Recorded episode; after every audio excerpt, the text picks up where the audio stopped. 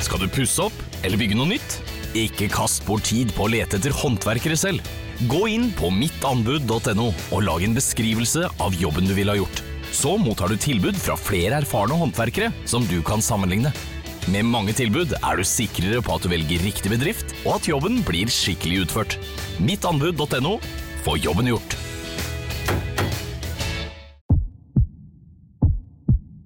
Otto og Anne tar pulsen på landet. Ja, det gjør vi. Jeg heter Otto Jespersen, og hva var det du het igjen? Jeg heter Anne Grosvold, og hver uke har vi med oss en interessant gjest. Det har vi. Otto og Anne tar pulsen på landet. Hører du der du hører podkast. En podkast fra Podplay. Quiet, quiet, quiet. You are a rude, terrible person. Hei, denne stemmen har du ikke helt hørt her før. Eh, ikke frik ut. Først skal vi til en annen planet, men i dag så skal det jo handle om eh, en komiker som har gått inn i det dramaet som blir avgjort 15. november, får vi håpe. Eh, vi må høre om en 80 år gammel dame som har lagd den største bulken i Donald Trumps vinnersjanser så langt i, la oss si, på 20-tallet. Eh, og vi må snakke om Nikki Haley, som ikke har lagt opp eh, lagt bort ambisjonene. Men aller, aller først, la oss dra til en annen planet og bare høre hva, hvem Luke er på jakt etter. Så Eirik i Arktis. Tell me, young Luke, what brings you out this far? This little droid. I think he's searching for his former master, but I've never seen such devotion in a droid before. Uh, he claims to be the property of an Obi-Wan Kenobi. Is he a relative of yours? Do you know who he's talking about? Obi-Wan Kenobi. Obi-Wan. Now that's a name I've not heard in a long time. A long time. I think my uncle knows him. He said he was dead. Oh, he's not dead.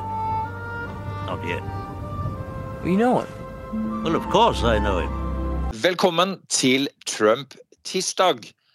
Og i dag, eh, folkens, så har jeg en eh, liten eh, nyhet i denne Trump-verdenen.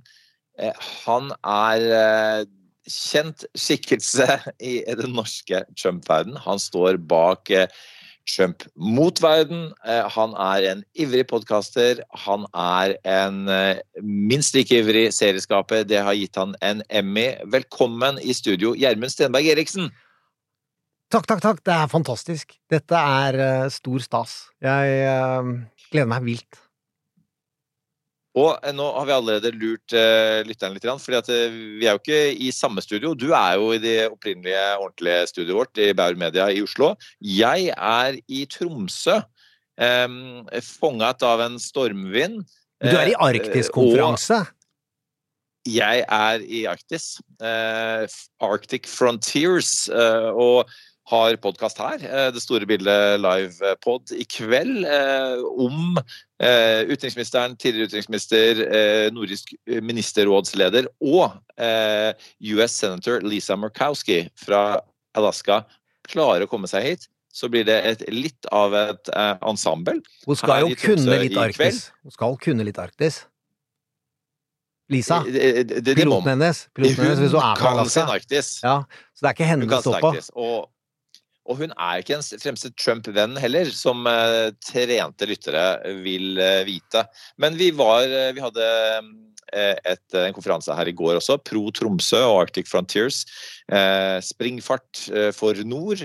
Eh, en, alle som kunne krype og gå eh, og komme seg hit, eh, var der og snakket fra scenen. Kjempeinteressant. Eh, Perspektivet fra nord er veldig, veldig annerledes eh, fra resten av verden. Eh, og eh, her er det jo masse amerikanere. Her er det briter, her er det canadiere, her er det sikkert eh, skjulte russere og kinesere og alt mulig. Eh, det sies at dette er den største ansamlingen spioner i fredstid, så man skal passe seg for honningfeller eh, på byen. Det lyktes vi med, tror vi. Hvordan var det, ba Fortell om baren i går kveld. Var det Eh, altså, honningfeller der, er eller var det sånn- andre, var det andre Star Wars-bar-medlemmer? Ja, liksom, det er liksom Star Wars-bar. for en, en pub i Tromsø er sånn du går inn, og så der sitter selvfølgelig i et hjørne eh, Egon Holstad, et annet hjørne Arne O. Holm, og så er det han Gunnar, som er ordføreren, og så har du han Frank, som er tidligere forsvarsminister. Eh, som, som, og så, til slutt så sitter alle rundt samme bord. Og der ser, Sånn du at, der ser du at det er Star Wars, for de har fornavnet Han. Han Mag? Han Magnus og Han Frank. Og rett borti der, sikkert Han Solo. Dette, jeg syns du blei nordlending bare du Hvor lenge har du vært der, da? ja, jeg har vært der i to dager, og det, da, nei, nå er jeg Jeg er jo en trent diplomat, så jeg, liksom, jeg glir inn eh, i alle eh, omstendigheter og blir en del av eh, mine omgivelser. Eh, men det, det er sagt, da, eh, eh, Gjermund, så er jo Star Wars-metaforet, det skal vi nemlig holde oss litt til. Men bare sånn for, for å understreke, så folk eh, forstår. Du er altså eh, min nye faste makker i denne spalten. I påvente av at Sofie kommer tilbake, og veldig gjerne også etter at Sofie er tilbake, så skal vi holde på med Trump-tirsdagene helt til eh, valget er over, og kanskje i fire år til. Ja, det er eh, La oss La oss håpe at dette som skjer på tirsdager, ikke heter Trump-tirsdag eh, fra cirka Han har jo ikke for vane å innrømme nederlag, eh, så la oss, la oss si han prøver å ø, storme Capitol Hill neste år òg, et eller annet sted i januar, så han taper 15. november, og så uti der så kalles det supertirsdag isteden. Men inntil da så tror jeg det er Trump som er i fokus. Men, men det, det er jo en supertirsdag å ha deg eh, med i sendingen, eh, Gjermund. Og vi har jo eh, snakket mye Trump sammen før på, på hverandres podder, sånn er Medie-Norge, men også eh, nylig i studio i NRK eh, Studio 2, fordi da kom den store nyheten som gjør dette til en super tirsdag. Eh, og det det vil si, det vil bli super mandager fremover, for denne mannen her er tilbake på mandager i The Daily Show, og han vi snakker om er selvfølgelig John Stewart. Du har med en rekke lydklipp, en, en godtepose med lydklipp eh, til oss i dag. Vi skal høre litt på dette her. Men altså, tilbake til Star Wars-metaforet. Altså, Obi-Wan er kallet tilbake. You have allowed this Dark Lord to twist your mind until. Until now, you have become the very thing you swore to destroy. Don't lecture me, Obi-Wan. I see through the lies of the Jedi. I do not fear the dark side as you do. I have brought peace, freedom, justice, and security to my new empire. Your new empire? Anakin, my allegiance is to the Republic, to democracy! If you're not with me, then you're my enemy. Only a Sith deals in absolutes. I will do what I must. You will try. Og det er mange som tror at eh, Star Wars handler mest om Skywalker-klanen og Anakin og Luke. Eh, og de slektningene, men Obi-Wan er nummer én. Det ligger i navnet. Eh, og den eh, som de fleste av oss på min alder begynte å få relasjon til, var jo film nummer fire, som heter A New Hope. Og jeg satt forrige tirsdag, så var det en eller annen sånn komikerdebatt inne i en Facebook-tråd som eh, jeg eh, hissa meg hardt oppover, for jeg, jeg holder komikere veldig høyt. Og eh, jeg fyrte av gårde eh, ordentlig eh, sånn hissig mann, 51 snart, eh, i tolvdraget. Så mener jeg at da kom den derre nyheten. John Stewart, tiden, altså i min bok, eh, det største komikerne av dem alle, kommer tilbake eh, s- i en ny runde. Og Obi-Wan, eh, spoiler alert, han eh, er med i film 1, 2 og 3, så dør han tidlig i film 4, men er jo da en eh, astral skikkelse i det neste. Eh, at han skal komme tilbake og redde verden, det er det jeg tror på. Ja, fordi, eh, altså, eh, Bare for å minne lytterne om det. ikke sant? Han eh, begynte i The Daily Show i 1999. Eh, Han overtok etter Craig Kilborn, som var en, en mer sånn derre eh, eh, hva skal vi kalle han, sånn showbiz-fyr, eh, uten noen sterke meninger om noe som helst. Eh, endret det programmet fullstendig. Går altså da eh, av eh, i 2015, altså et år cirka da, før eh, valget skal stå. Han går av, og Eh, rett og før debatt, første debatten med. Donald Trump. Så han tenker at dette ordner seg. Ja, det var litt det. Det var liksom altså, det, det, og, og, og, og tenk, og jeg og du mange andre har tenkt sånn Hva ville skjedd hvis han ikke hadde trukket seg den gangen, men eh, brukt sitt eh, satiriske eh, talenter til å, å, si ordentlig til ifra at dette her er like galskap som det eh, var og ble?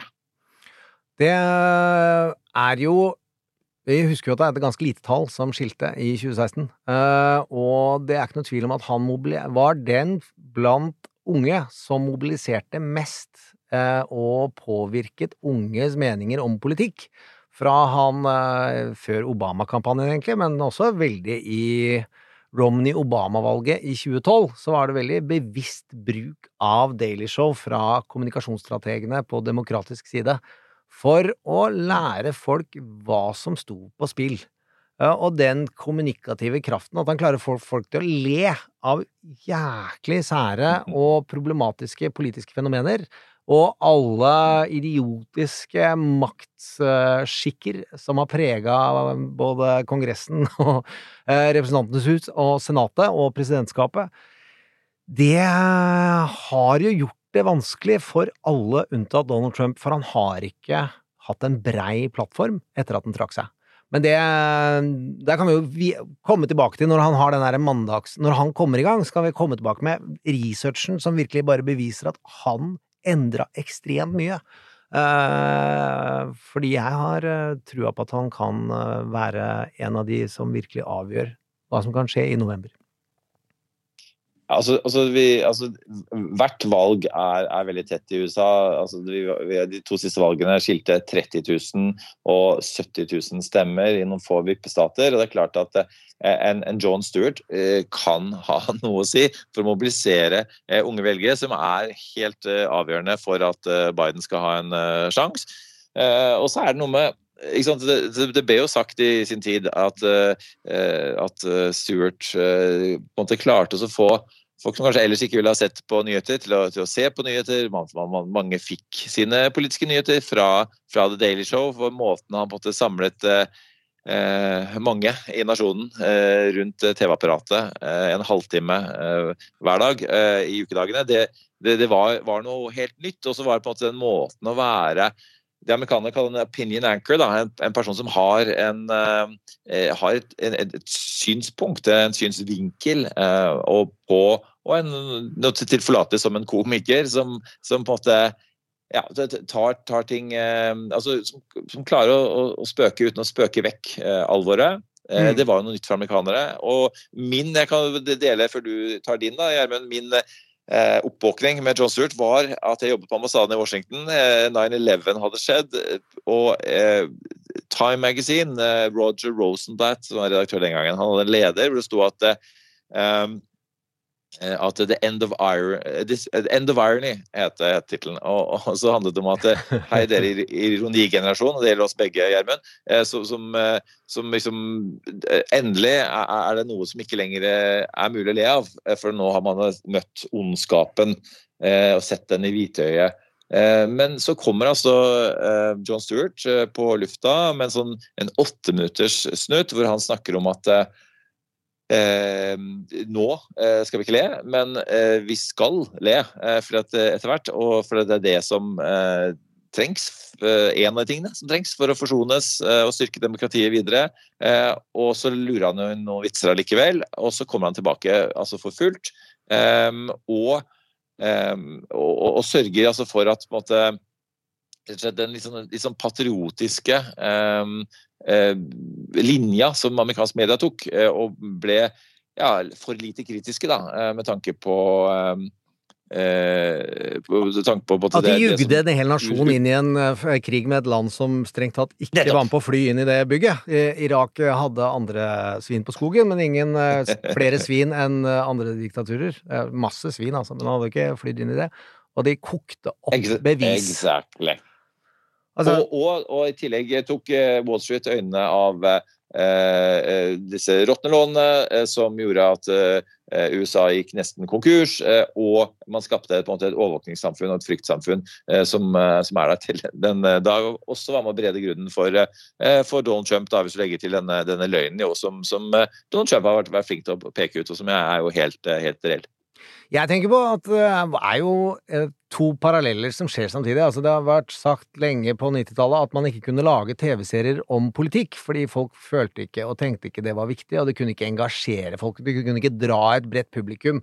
Eh, Og det fikk jo Aaron Sorkin høre, og han accidentally pitcha presidenten, fordi kanalen han hadde tenkt til å selge serien om eh, eh, Jeg husker ikke om det var Roma, eller han skulle lage en annen serie, men så ringte agenten i det.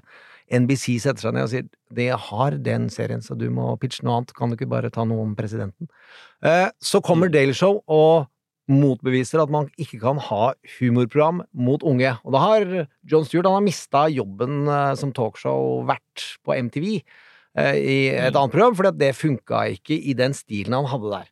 Så jeg satt og hadde helt hekt på West Wing, og så sitter jeg på en reklamejobb, og så får vi jo dette at vi kan se video over internett i stadig bedre kvalitet, og da kom disse Daily Show-klippene inn i eh, livet mitt, og hvor jeg var nødt til også da få med meg alle sendinger.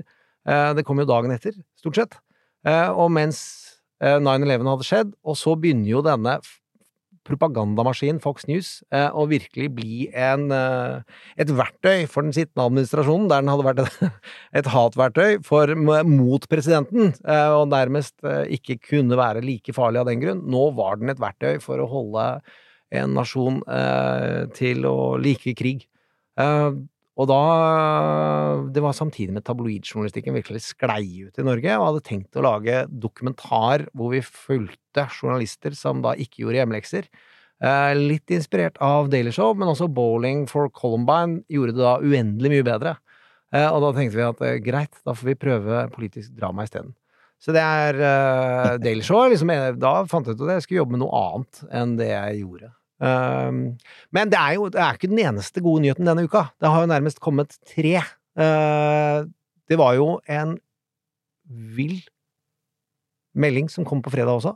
Det var uh, rettssaken i uh, uh, USA. Defame Hva heter det? Defaming? Ja. Ja. Hva blir det på norsk?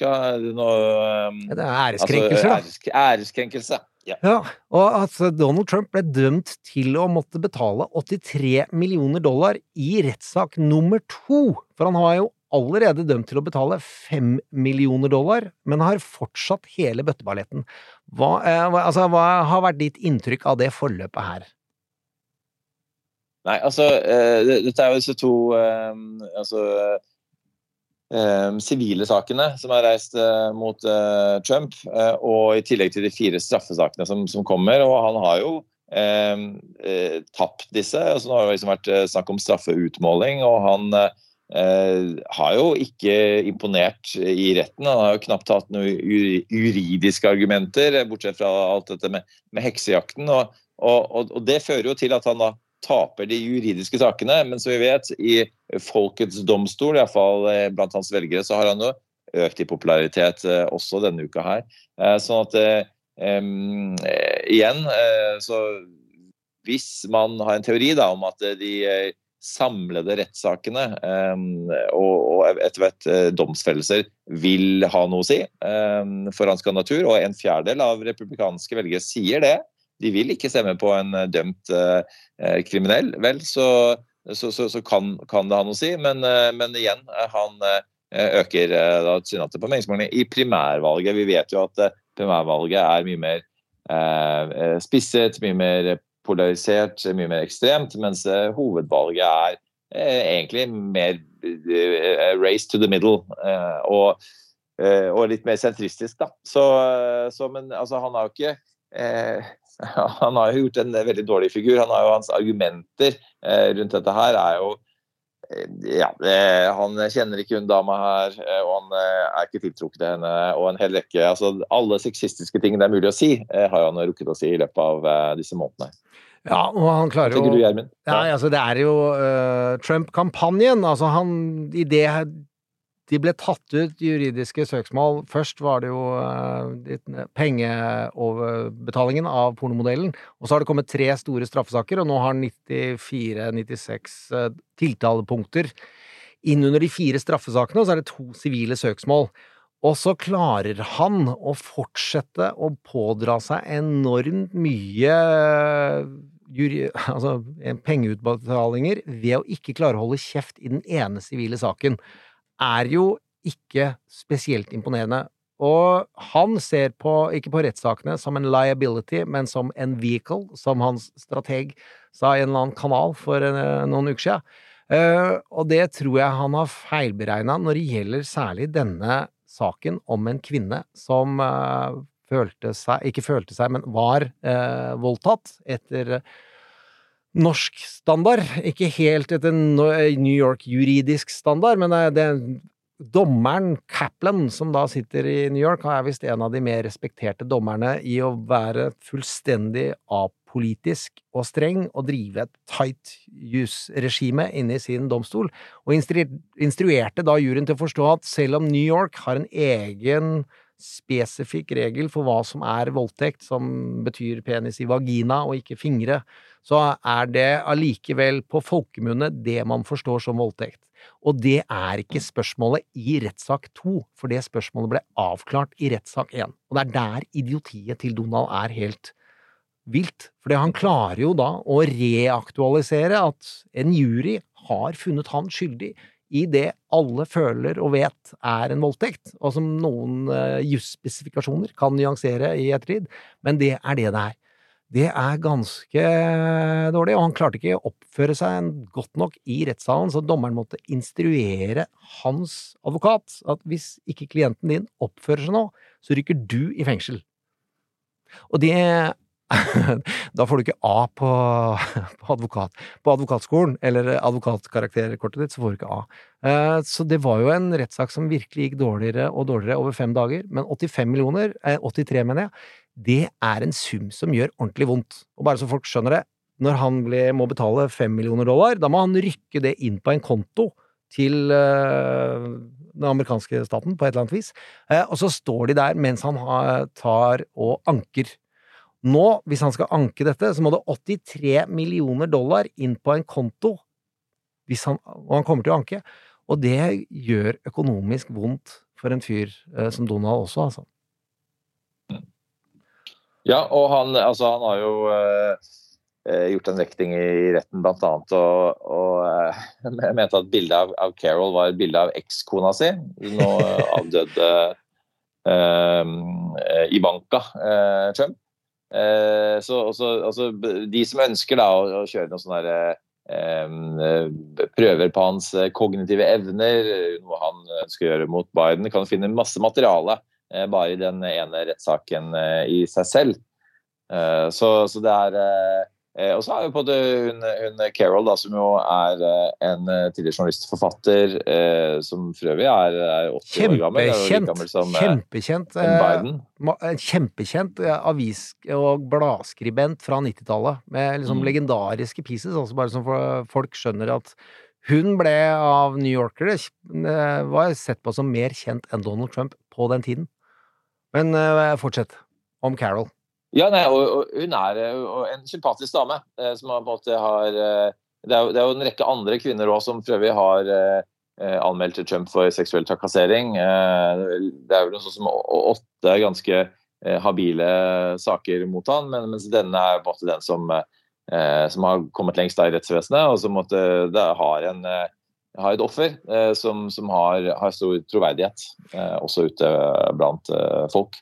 Eh, så, så, dette er noe som, eh, som sier fra han. Og det er, eh, altså pengene det er jo, han får jo, Hans velgere samler jo inn penger eh, like mye til rettssakene hans eh, som eh, til kampanjen som sådan. Og, og ser tilsynelatende ikke ut til å ha noen problemer med det enn så lenge. Men vi får nå se da, når etter hvert som det, the legal fees pile up, som, hvert, som det blir dyrere og dyrere dette her. De er jo ikke billige, disse straffesakene han skal inn i heller. Nei, det får han jo si. Da, og det er jo finjuss, eller hva som er det rettslige grunnlaget, og beviskrav og den slags, er, kan man jo nesten ønske seg å få uh, Sofie Høgestøl til å uttale seg om. Men som kommunikative elementer, at dette gjør noe med noen av de grunnleggende narrativene som svekker Donald, er jeg jo overbevist om. Dette er en dame på 80 år som da tar ut en sak, sivilt søksmål, mot den sittende sittende presidenten i USA. Det har aldri gått bra for noen. Å prøve å slåss mot en, en, så mektig person, selv når de har gode, relativt gode intensjoner og ikke verdens dårligste track record, som Donald Trump har, da har du et 80 år gammel dame som øh, våger å slåss om igjen og om igjen. Den symbolkraften som ligger i det, kommer til å spre seg. Det er jo ikke det er jo en patriarkalsk eh, stat som har sansen for at gamle menn sitter i jobben eh, til de blir 140 år. Men de liker bestemødre òg. De har ikke sans for eh, drittslenging om eldre damer. Og det narrativet der sånn, det tror jeg ikke kommer til å være tjene han godt selv i relativt røde delstater, selv om de ikke klarer å vippe klokkerød fra til blått. Så der det er litt vondt, så kommer denne hvordan han ser på kvinner, hvordan han har behandla kvinner, og han er nå eh, erklært skyldig av en jury i en sivilsak. Det betyr at du har 51 bevisbyrde, og ikke strafferettslig, hvor det er jeg har ikke sittet med, men jeg tror det var godt over 90. Du må være for å kunne bli ansett som skyldig. Uh, juryen, det tok ikke lang tid å bestemme seg heller. Det er det. Så mannen eier ikke juryteket. Og det tror jeg folk skal ta inn. Og så får vi bare håpe at uh, Håper at det går mer. Og det er jo en utrolig flott dame. Jeg tenkte at vi kan høre hva hun sa etterpå. Hun hadde et intervju for det første intervjuet i løpet av denne perioden, for det er jo ikke lurt å uttale seg, burde Donald ha lært, mellom rettssaker. Eh, man kan si noe i ettertid, og var da hos Rachel Maddow i går kveld. Så kan vi bare høre hva hun sier.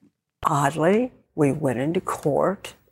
Robbie took uh, the lectern. I sat in the witness chair like this. And she said, uh, Miss Carroll, good morning. Would you please spell your name for the court?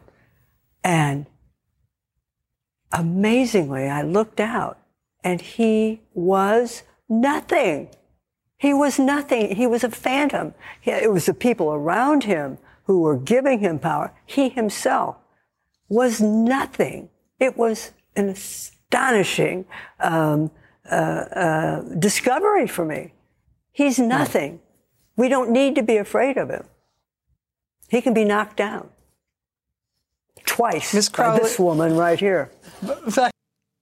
Ja, og denne saken her minner jo også folk om det man, man, trodde var på en måte det som skulle eh, felle Trump en gang for alle, nemlig Access og Hollywood-lydklippet, eh, hvor han eh, sier til eh, Billy Bush, eh, nevø av eh, den kjente president Bush, at, eh, at, når du er stjerne, så kan du gjøre hva du vil. Du kan uh, grab them by the pussy, du kan uh, altså, ta folk i underlivet. Og det er uh, Altså det er og blir et, helt grotesk oppvisning i både si, mannssjåvinisme, men også kjendisstatus i USA.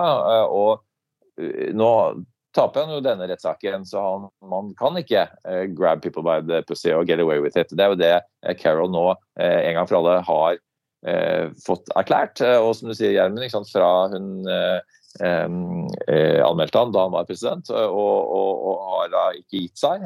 og checks and balances, i hvert fall her, funker. Og, og, det er så veldig mye av han fortsatt som Trump som da en, en Eh, kjent person, en person med makt, har klart å komme unna med. Eh, og det er altså gjenstand for de fire eh, nye rettssakene.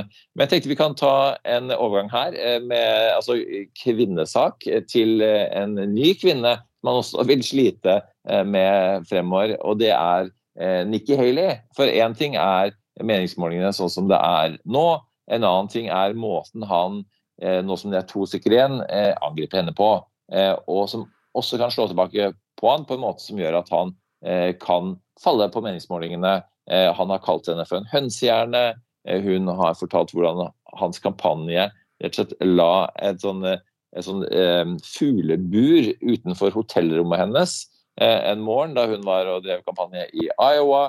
Eh, så, og dette vil, det vet vi med Trump, eskalere jo mer presset han er. Han er som en sånn han har det som amerikanere kaller for feral eh, instincts, altså sånn, sånn, sånn villdyrinstinkter. Ja. Grevlingmyten i Norge, at det biter seg fast. Ikke sant. Men, men, men at, at du fanger han i et hjørne, så, så bare angriper han deg. Eh, og, og klorer deg og prøver å, å, stikke av, eller, eller eventuelt klorer seg fast. Og ingenting av det ser veldig pent ut. Nei. Og Nikki Haley var jo en av de tre etter at Chris Christie, uh, Dos og hun var de fire gjenværende inn mot Iowa, så trakk Chris Christie seg rett før. Eh, og så sa jo han 'jeg trekker meg, og jeg anbefaler alle å stemme på henne', sa han on mic, og så gikk han bak. Og så sa han 'hun kommer aldri til å stå i det, hun har ikke ryggrad'. og da ble jeg alltid dramatiker og serieskaper og tenker 'hvor gjorde han det med vilje, eller gjorde han det ikke'? For i West Wing så dramatiserer de at en del politikere vet utmerket godt at det står en rød blank, lampe og blinker, og at dette blir tatt opp. Uansett, hun har ikke satt Trump ordentlig på plass, for både hun og DeSantis og cirka alle unntatt Christie har ikke turt å være for angripende på Donald Trump for å provosere basen, og ende opp med like lite oppslutning som eh, som eh, Chris Christie fikk. Eh, og så tapt, kom hun på tredjeplassen i Iowa, og da heiv DoSantis seg ut. Og så kom hun på andreplass i uh, New Hampshire. Og da holdt hun en tale som uh, vi kan høre på en liten lyd av her. Og den oser ikke akkurat av at det ikke er så mange deltakere igjen, og strengt tatt så kommer hun da på sisteplass. Men hun feirer dette, det nesten som gull.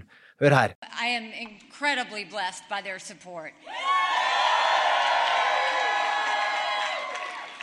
I have my parents at home, and I will always say that the way they raised me, to know that we lived in the best country in the world, but to also know that the best way you appreciate your blessings is to give back. Thank you, Mom and Dad. I love you so much.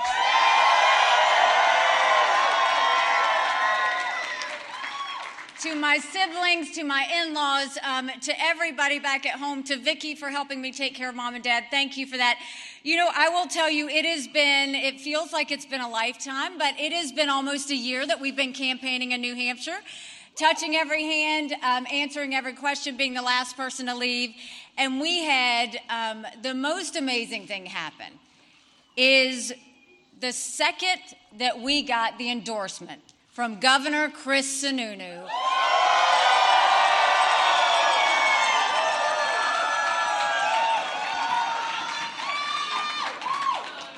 I mean, a true governor that doesn't stand behind a podium. He shows up at a diner. He shows up at the brewery. He loves the people of New Hampshire. He has been with me every single day at every single event. Chris, I couldn't have done it without you.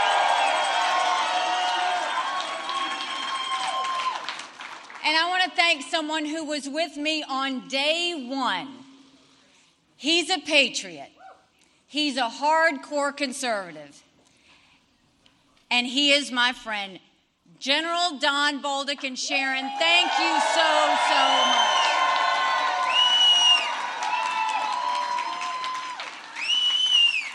I want to congratulate Donald Trump on his victory tonight. He earned it, and I want to acknowledge that. Now, you've all heard the chatter among the political class. They're falling all over themselves, saying this race is over.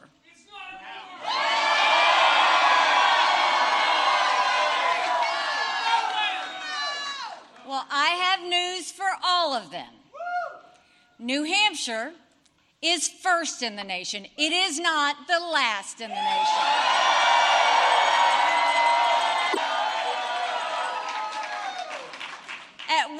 In this campaign, there were 14 of us running, and we were at 2% in the polls. Well, I'm a fighter.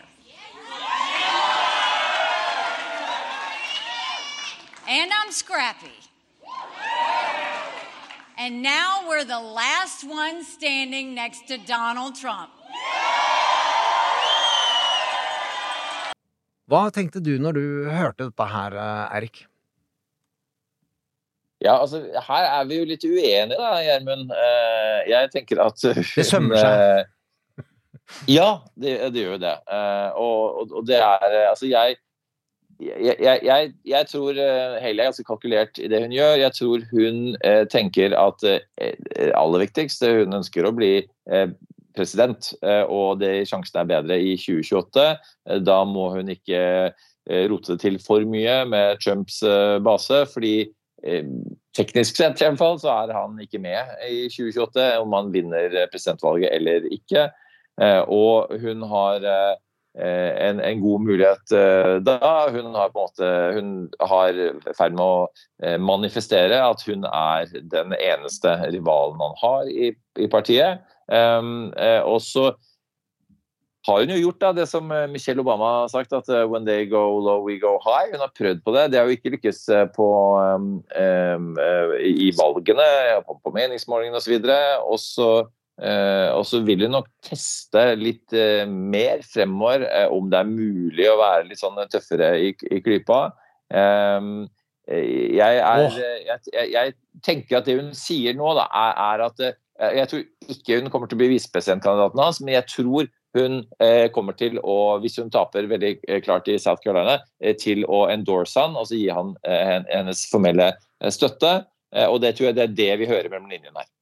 Ja, jeg tenkte at hun posisjonerer seg igjen, så hun tenker alltid i PowerPoint, er jo kritikken av henne. Den legendarisk kule republikanske strategen Mike Murphy. I'm for, I'm for Nikki and I hate her, er jo liksom hans omkved. At hun er så beregnende og har våget så lite fram til nå. Men at hun går opp og da sier ganske raskt at jeg gir, eh, må gratulere Donald Trump med seieren, og eh, viser at hun feirer at her har det vært en avstemning, og denne opptellingen tror jeg på er hun Du sier at hun går high. Jeg syns jo det er skandale at hun ikke har klart å si kjempetydelig at Donald Trump tapte forrige valg, og ikke tatt ordentlig nok oppgjør med uh, det som skjedde 6. januar i det mislykkede kuppforsøket.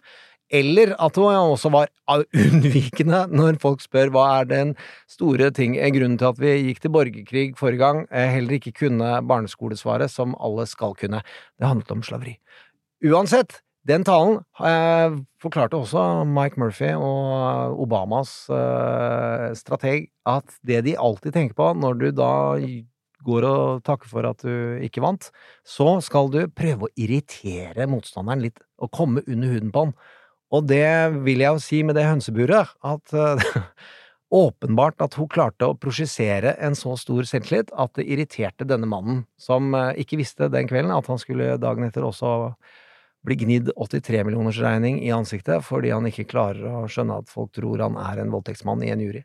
Eh, Så om hun gjør dette for å stille i 2028, eller fordi hun da også tenker at hvis Trump ryker på noe juridisk som rett og slett gjør at han ikke kom, kan stille fra fengsel, slik det er populært også å si at det er lett å drive valgkamp fra fengsel, det er ikke sikkert at konventet syns det samme.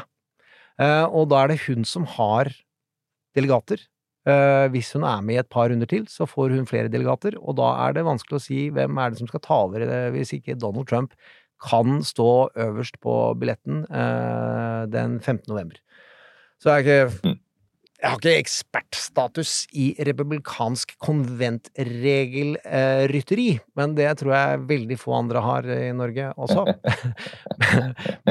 men, det jeg vet, er at eh, hvis det er, ikke er kjangs til å vinne, fordi eh, eh, innen dette konventet her, så tror jeg Donald har større problemer enn det han tør å tenke på. Så det er jo det som er spennende. Eh, og da har hun delegater, og ingen andre har så mange som henne. Eh, Det stemmer. Og så er det jo eh, dessverre da sånn at eh, for de som håper på Haley, at New Hampshire var egentlig hennes aller siste mulighet. Fordi det er en stat som er spesielt godt egnet for henne. Man kan stemme som uavhengig, man trenger ikke å være Um, registrert republikaner for å stemme. og det er en stat som passer veldig dårlig for, for Trump, bl.a. det er veldig få evangelikale velgere der. Det er veldig mange med, med utdannelse. Eh, og eh, han, han eh, ja. Og de liker å gjøre det motsatte det. av Iowa. Altså det er det at de vil gjøre det Det er markeringskåta, og der gjorde hun også valg i New Hampshire som Hun nekta å stille opp på noen TV-kanaler og var ganske soft i hvordan hun var Altså, du er nødt til å kritisere motstanderen hvis du skal bli valgt i USA. Man kan mene hva man vil om negative budskap. Det Obama sabla ned Romney lenge før Romney kom ut av primærvalgkampen. Du må jobbe med inntrykket av motstanderen din. Sånn er systemet. Og der har var hun mild i klypa, altså. For å si det pent. Ja, og, og, ja, og det heter jo liksom uh, When Iowans eh, pick corn, uh, New Hampshire uh, picks presidents. Eh, og, og det er jo eh, Det har jo mye mer prediksjonsverdi, det som eh, New Hampshire gjør. Og det at, at Trump allikevel gjorde det bra, og han tok jo det meste av DeSantis og Ramaswamy eh, sine velgere, vel, det, det gjør jo at, eh, at han befestet eh, sin, eh, sin frontrunner, sin eh, altså led, lederskap-kandidatur. Men eh, vi, vi får se. Det er jo Nå, skal du nå har du Jeg syns det er imponerende. Hun har eh, vært innimellom. imponerende som primærvalgmotstander. Hun var på fjerde, femte, sjetteplass eh, før sommeren, eh, og da var det langt ned fra topp tre til fjerde, femte og sjette i hva alle anså som mulige utfordrere. Og så vokste hun gjennom den første debatten, hvor hun var den som satte skap på plass og skinte eh, som potensiell kandidat, mens Chris Christie skjelte ut, men han var det ingen som tenkte at vi ville vinne noe her. Hans rolle var liksom å være den. Eh, Så har hun jo Dos Santis er så dårlig, så hun får ikke poeng for å ta med han, men alle de andre tapte for Haley. Så jeg er, på, jeg er så enig med Mike Murphy. Eh, I'm for her, and I hate her too. Ja, og så, så er hun jo på en måte igjen, jeg tenker serieskaperverdenen din, da, eh, Gjermund. sånn, hun er jo en av disse kandidatene som på en måte eh, prøver å gjøre det rette. Eh, som som på en måte prøver å være renhåret osv. Og, så og som, som alltid blir slått i, i slutten av episoden. Fordi, fordi de på en måte de, det, er, det er som altså, du, du, eh, politikk er ikke for romantikere. Eh, Du er nødt til å Du kan ikke bring a knife to a gunfight. Eh, Du, du, er, du er nødt til å på en måte også ja, bli litt uh, skitten under neglene, rett og slett. Sånn er, sånn er politikk. Og ikke minst amerikansk og republikansk primærvalg. Og South Carolina er jo der hun kommer fra, og der har hun vært hard i klypa som guvernør, før hun da ble, ble det hun er nå. Eh, Så hun har ikke mange venner i det republikanske partiet der før Donald Trump starta sitt kjør, fordi hun har jo vært en ekstremt maktdyktig politiker i en åpenbart eh, mannsdominert South Carolinian eh, Republican Party.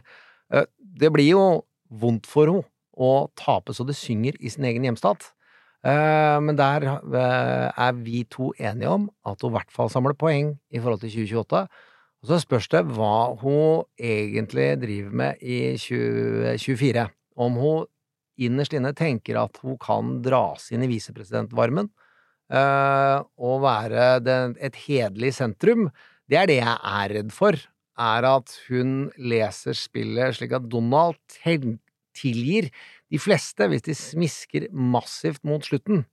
Og for å si det forsiktig, han valgte jo ikke Pence, Mike Pence, sin eh, tidligere visepresidentkandidat, som han ville eh, at folk kunne godt henge eh, mot slutten. Han valgte jo ikke han fordi han syntes han har en sjarmerende eh, positur, eller kunne hjelpe han med de politiske sakene. Donald Trump han brenner ikke for veldig mange saker, men i hvert fall han klarer ikke vinne noe troverdighet der Donald Trump har troverdighet. Han skulle vinne de kristne. Og Nikki Haley kan da vinne eh, over nok kvinner til å svekke eh, Bidens sjanser. Eh, og det er det jeg er redd for at hun er så iskald at hun går tilbake og flotter seg på denne konventet og stiller som visepresidentkandidat og underkjenner at vi har med en som vil avskaffe demokratiet å gjøre. Og da da syns ikke jeg Haley er kul i det hele tatt lenger. Hva tror du? Nei, jeg, men jeg, Ja, jeg, jeg, tenker at, eh, at, grunnen til at Trump ikke vil velge henne, er en av grunnene, samme grunnene som han ikke valgte eh, Chris Christie, som han hadde dype samtaler med eh, før valget i 2016. Fordi at han var redd for at én, eh, han ikke fikk lov til å gjøre akkurat det han ville selv, og, og to, denne personen har eh, egne ambisjoner eh, for om å bli president. Og det var det som måtte var lakmustesten for Pence. Han tenkte at, eh, og det fikk han helt rett i, mm. for Pence hadde jo ingen sjanse til å bli president nå. Og Pence var lojal helt til det siste. Og det siste det var jo altså disse timene på Capitol Hill hvor Pence nektet å, å, å, å imøtegå valgresultatet. Han var med å godkjenne det. Og, og det var da nok i Trumps bok til å, til å bli avskiltet en gang for alle. Eh, men, men, det tror jeg da at det vil han sikre seg mot denne gangen.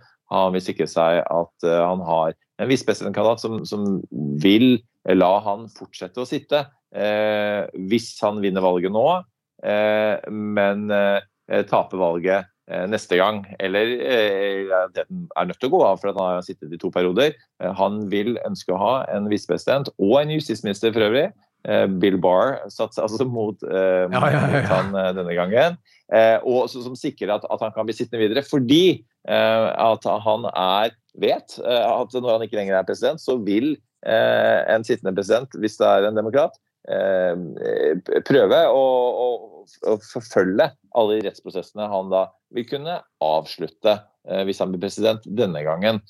Han vil ikke tilbringe resten av livet sitt i fengsel. Eh, og han vil ikke måtte la rettssystemet gå sin eh, gang, for å si det på den måten. Det er jo mye som tyder på. Og apropos det, så får vi ikke gått i dybden på hvordan dette dramaet kan ende, men jeg har uh, hatt hekt på uh, en dramaklassiker som kalles Deus ex machina. Uh, du dekker jo utrolig mye kunnskapsfelt. Helt irriterende mange. Mr. Arctic Conference. Hva var, det, hva var din forståelse av Deus ex machina før vi hadde en liten prat i går kveld? Hva det betyr, hva det innebærer? Nei, altså, Gud er, er da Deus, og eksmakene er jo at Gud er over maskinen.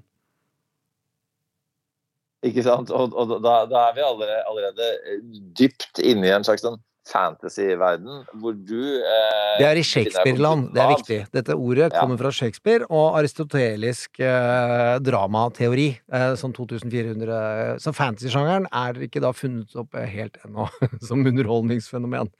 Men eh, du, du, var på DU6-makene, det er fantasy-land. Ja, altså, det er vel, Jeg begynte ikke med, Aristofanes, eh, videreført av Shakespeare, eh, har, har, jeg eh, funnet fram til. Eh, men, altså, og, og, hele veien til eh, via eh, Dickens, Oliver Twist og The War of the Worlds og H.G. Wells. så dette er, jo, dette er noe som måtte, har forfulgt la oss si, Eh, tidlig fantasy og, og, og seinere fantasy gjennom eh, eh, historien. Men, men, dette er det du som mest presist kan beskrive. Ja, det, altså, nå, eh, nå, tar du den rekka hvor det fungerer, og det er jo veldig unntak. De smakene i både moderne og klassisk dramateori er jo når man hadde en del sånne scenestykker i middelalderen, for man hadde liksom byteater eh, som Man dro i gang noe spennende, og den karakteren kom inn, og den karakteren, og her skjer ditt og datt og dutt. Og plutselig så kommer Gud faktisk som en stemme fra oven, og er dommer fordi man liksom ikke får Finn klarer å skrive seg til et klimaks som ut fra på noe troferdig vis kan ende uh, så publikum klapper. Og det er jo ingen som tør å bue på Gud, så det er et veldig enkelt dramaverktøy eh, i en eh, førateistisk tid, eh, hvor det å henge, ut Gud var ikke kult etter ca. 380 rundt omkring i Europa. Så Deus Ex-makene ble brukt av altfor mange småby- og storbydramatikere til å finne sin løsning på dette lokale spelet. Og så kommer Shakespeare og lager da en x antall, er det rett over 50, noe i den duren, eh, verker hvor han viser at det er indre psykologi som kan utspille seg på scenen i akkurat en lignende dramaturgi som alle andre har prøvd, og vi er da i renessansen. Fordi man klarte å hente opp de klassiske idealene som Aristofanes og ikke minst eh, gode gamle Ødebus, som er den Aristoteles, eh, kong Ødebus-drama, som Aristoteles da hyller som det perfekte drama. Man klarer å lage slike idealer og løfter det sånn som vi fortsatt driver og maser om Shakespeare, og all dramatikk er fotnoter i hans arbeid. Men hvis vi da ser på For jeg mener at det største dramaet i nyere tid, etter det mellomkrigstiden og Europa revet i fillebiter, og all den tragedien som jeg nærmest frykter kan skje etter november, så er jo dette Trump kommer til makten, eh, og all motstand har prellet av, og det fins Deus Ex Machina som det må være mulig å godta i vårt drama. Altså hvor vi bare tenker, og da tenker jeg jo domstolene, særlig Høyesterett. De kan komme med eh, dommer og inngripen i de fire straffesakene, eller hvis han prøver seg på noe mer tøys i de sivile eh, sakene, hvor, som vil påvirke valget i så negativ retning at det republikanske partiet rett og slett ikke kan stille med han som kandidat, eller uh, umyndiggjør. Uh, altså gjør at han ikke har lov til å stille. Det vil være en deus ex-makena som du og jeg da er kanskje noe av spenningen borte i disse tirsdagssendingene våre på den. Men det, da vil jeg applaudere og legge opp med glede. Og så har vi den andre, og det er jo at eh, John Stewart er tilbake. Og jeg har Ja. bedt deg si noen eh, Be om eh, en lyd som jeg tenkte at vi kan avrunde med, bare sånn som folk kan høre stemmen hans. Men det at en komiker kommer tilbake, og hun kan være den store vippen, da må, tenker jeg på Så kan jo du si om du er enig i hypotesen. Kvinner gjorde at 2018 ble en av sittende presidents største nederlag. Vi har eh, som Tea Party-bølgen som sveipa over Obama, så kom The Pink Movement og sørget for at mellomvalget ble demokratenes, og han tapte også i 2020 med de hvite, utdanna kvinnene i forstedene som skammelig nok hadde stemt på Trump i 2016 i for stor grad. Og den bevegelsen var erklært relativt eh, kraftig, men ville ikke vinne i 2022. Og så ser du at hele den abortsaken, som er ukontrollert i Høyesterett, eh, og hvor det er Høyesterett egentlig som har skapt Donald Trumps store motstand, nemlig hva han har gjort med rettsfølelsen for en del gode kvinner i USA. Det kvinneberget er Trump med de rettssakene, det skyller over. Så har vi det at de unge har i målinger sett at man har, er mer demobilisert i 2022, og kan være demobilisert inn mot 2024. Og da er spørsmålet om uh, herr John Stewart kan sørge for at Comedy Central klarer å trenge gjennom TikTok Nå kommer jeg med en sånn dater, datere meg selv. TikTok-helvete! For det er jo kanskje den eneste appen jeg ikke har på telefon. Så den kan jeg disse. Eh, og gjøre politikk interessant for de unge målgruppene, og ikke minst en del politiske posisjoner. Latterlig, komiske og forkastelige. For der er humorens kontrastvirkemiddel ekstremt godt når den brukes av riktige folk, som John Stewart, for det er fullt mulig å prøve å være anti-Fox News og ha masse drittnyheter om alt du ikke liker her i verden. Men han er flink til å skape en sånn, sånn samlende følelse også. Han har bygd fellesskap og forståelse. Ikke, nå driver jeg med Jeg er jo ekstremt John Stewart-happy, eh, og det er jo ikke du Du er ikke akkurat en motstander av det. Men hva vil du si om da en sånn comedian ex machina hadde vært, syns jeg er eh, Er det en mulighet for her?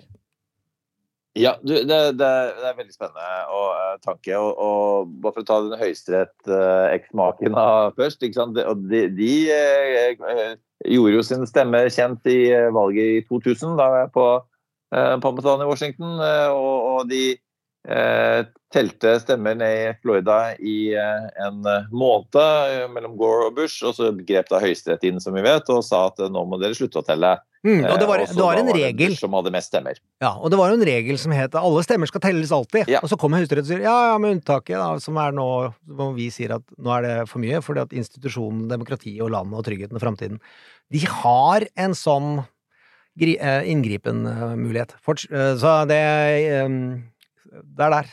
Ja, og så ja, kan du si at, eh, at det, det ble jo godtatt av demokratene. Det ble ikke Man stormet ikke Kongressen, det ble ikke løsnet et, et skudd den gangen. Eh, eh, Og så, er det som du sier, altså den mer sånn femina, eksmakina, altså kvinnene som kan, kan stå fram og, og sørge for at Trump taper valget, og spesielt basert på abort, men også på, um, på, på altså ren mannssjåvinisme, eh, som vi jo ser med Carol-saken. Og så vet vi at en del eh, velgere med latinamerikansk herkomst ikke er så veldig eh, eh, har så mye mot eh, mannssjåvinisme, det seg på meningsmålingene, og de eh, flokker seg enda mer til Trump, så vi får se hvordan den biten går. Men komikeren, eksmakena, ja, jeg tror på det. Jeg tror på eh, satirens kraft. Jeg er fra ja, Vi kan godt gå tilbake til Aristofanes osv., den runden vi hadde her i stad.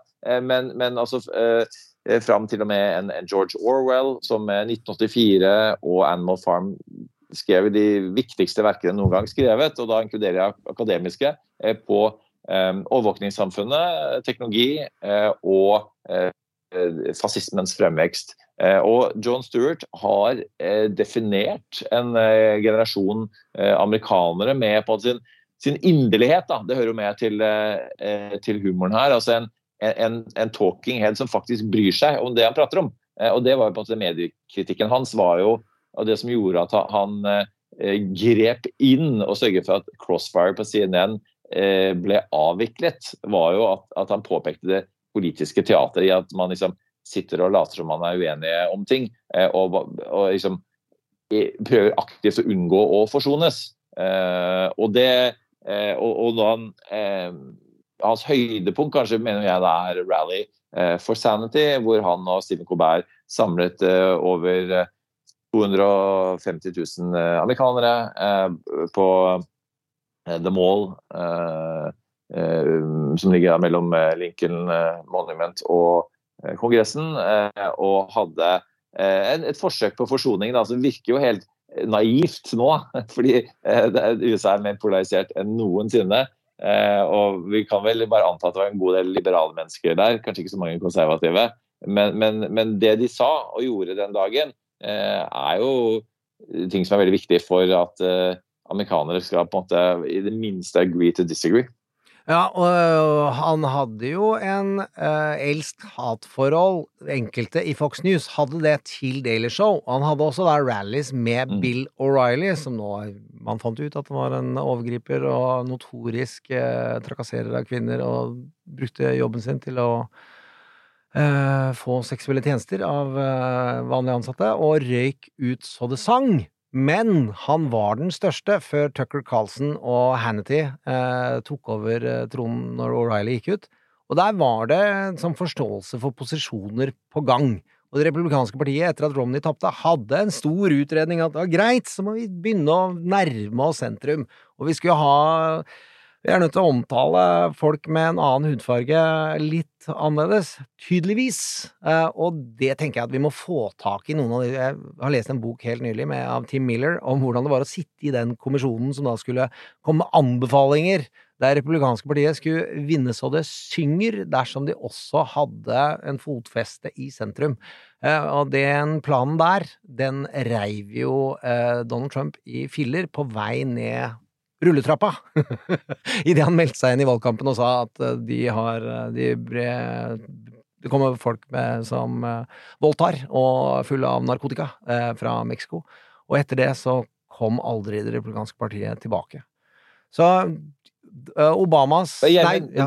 du, har jo, du har jo en så altså, vi, I og med at vi er som dramatiker eh, i studio her, eh, og vi har allerede vært innom Shakespeare altså, eh, John Stewart har jo en type sånn altså, Han er jo på en måte hoffnarren eh, som på en måte Ja, han er en å- Holberg. Altså, han er en hyperintellektuell. Ja, ja. Holberg har altså, det, Hvis dere ser hyllene på et bibliotek, eh, Sofus Bugge må bli der og ser hva Holberg skreiv i løpet av livet sitt, utover at han skriver politiske komed eh, komedier og dramaer, eh, som i et ganske tight sensurregime i enevilde Danmark-Norge, så slipper han unna med det.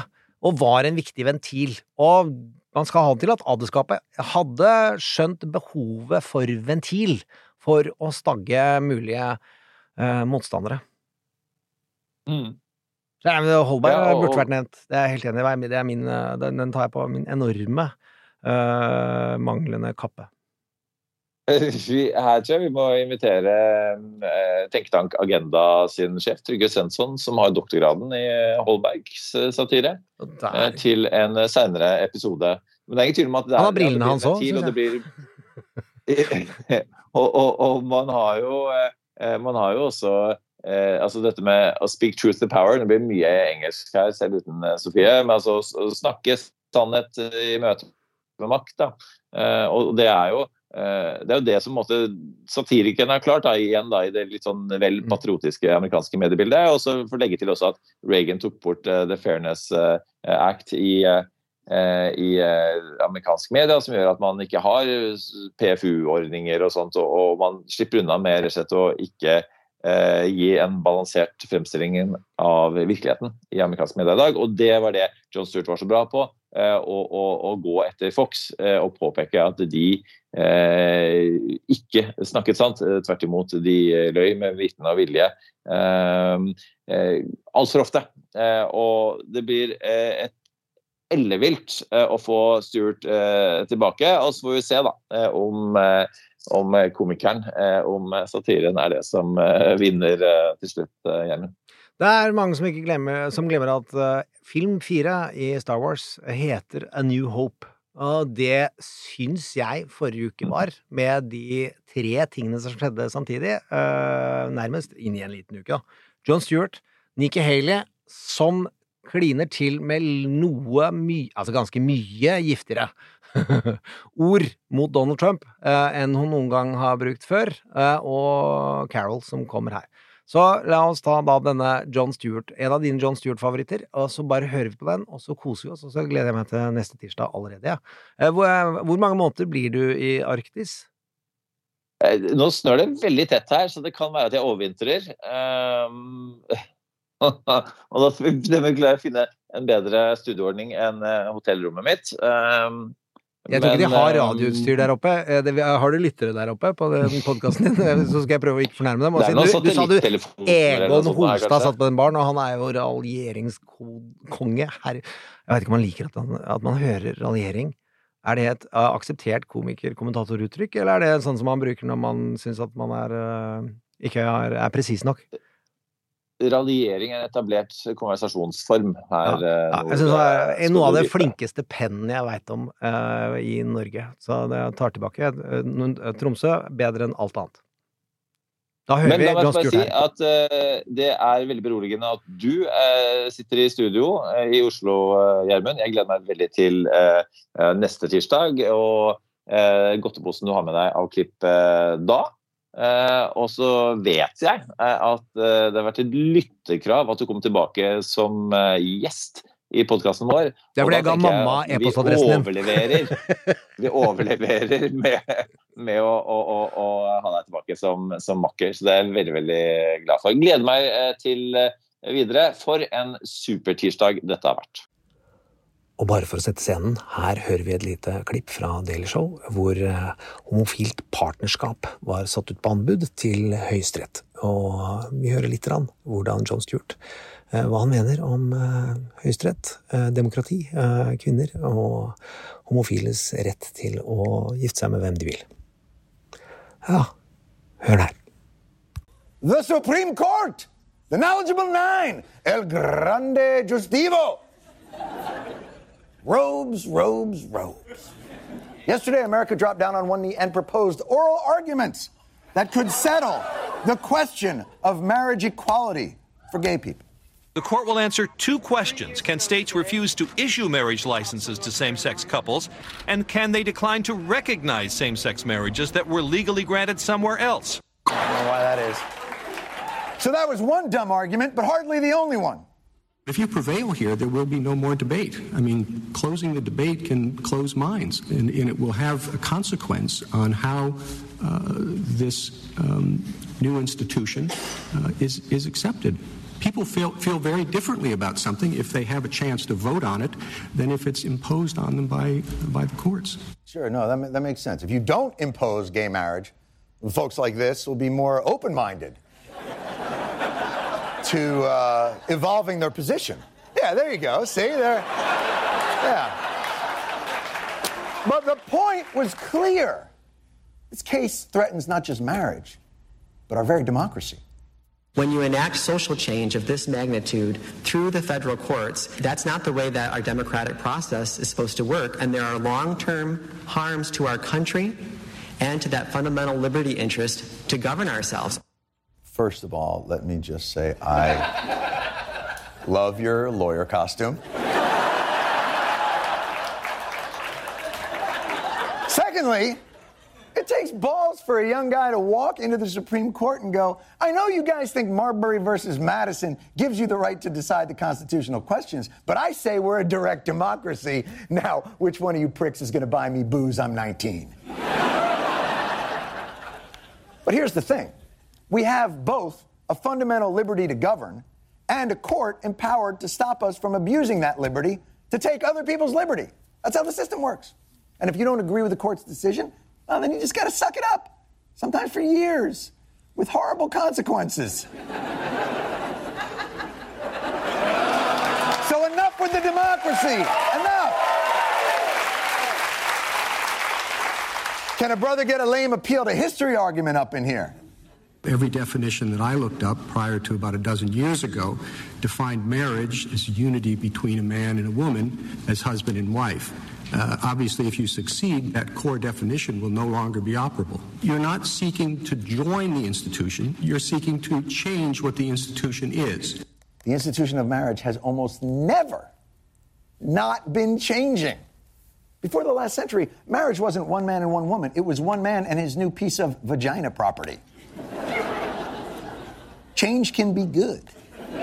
But the anti gay cray cray probably peaked with this discussion. That's enough. Put down the mic. Du har hørt en podcast fra Podplay. En enklere måte å høre podcast på. Last ned appen Podplay, eller se podplay.no. Velkommen til Kjemperådet! Vi har fått inn et kjempekleint problem fra Trine Lure 22. Ok. Jeg leser. De to andre i kollektivet mitt har begynt å date, og jeg syns det er veldig kleint når vi skal se på TV sammen, og de bare skal kline. Ok, ja, Hvordan skal hun løse dette? Siden Trine Lure er under 30, får hun jo ubegrenset data fra Telenor fra 399 kroner. Da Da kan hun sette seg på sitt eget rom, streame så mye hun vil på mobilen. Ja, Hun kan jo se på nye mobilabonnement på telenor.no. Ja, det er lurt. Vi i Rema 1000 kutter igjen prisene. Nå på en mengde påskefavoritter. For eksempel kutter vi minst 25% på 2 ganger 600 gram grillpølse fra Gilde, 10-pakk Chicago pølsebrød fra Hatting, 7-pakk tulipaner og andre påskefavoritter. Alt dette og enda flere priskutt på minst 25 For det er sluttsummen på påskehandelen som teller. Og husk at vi fortsatt har fryst prisen på over 1000 varer. Nå lønner det seg å hamstre påskekosen hos Ark. Ark inviterer nemlig til påskefest med skremmende bra nyheter, pocket fra 99 og 40% på alle spill og puslespill. Ark-påske betyr rett og slett mye påske for pengene. Så fyll opp med påskens favoritter i nærmeste Ark-butikk eller på ark.no.